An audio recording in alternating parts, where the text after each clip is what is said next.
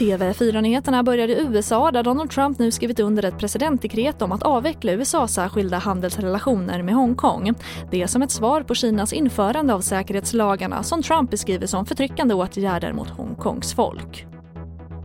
Och 12 000 människor har felaktigt satts i karantän i Israel efter att en app varnat för att de varit i kontakt med coronasmittade personer. Appen ger säkerhetstjänsten tillgång till uppgifter om personer med coronasmitta men något har gått fel vid en uppdatering. Och säkerhetstjänstens chef kritiserar nu införandet av systemet och hävdar att tekniken ska användas mot terrorism och inte för att spåra medborgare. Och en man har hittats död på en parkbänk i Sundbyberg utanför Stockholm, det skriver polisen på sin hemsida. Det var en förbipasserande som slog larm under onsdagsmorgonen och omständigheterna kring händelsen är oklara men utreds som mord alternativt dråp. Och det råder brist på nya cyklar. Coronapandemin har gjort att många valt att trampa runt istället för att åka kollektivt. Och när fabriker som tillverkar komponenter till cyklarna samtidigt tvingats stänga ner under pandemin så har tillgången i butikerna sinat. Och det får avsluta TV4-nyheterna. Jag heter Charlotte Hemgren.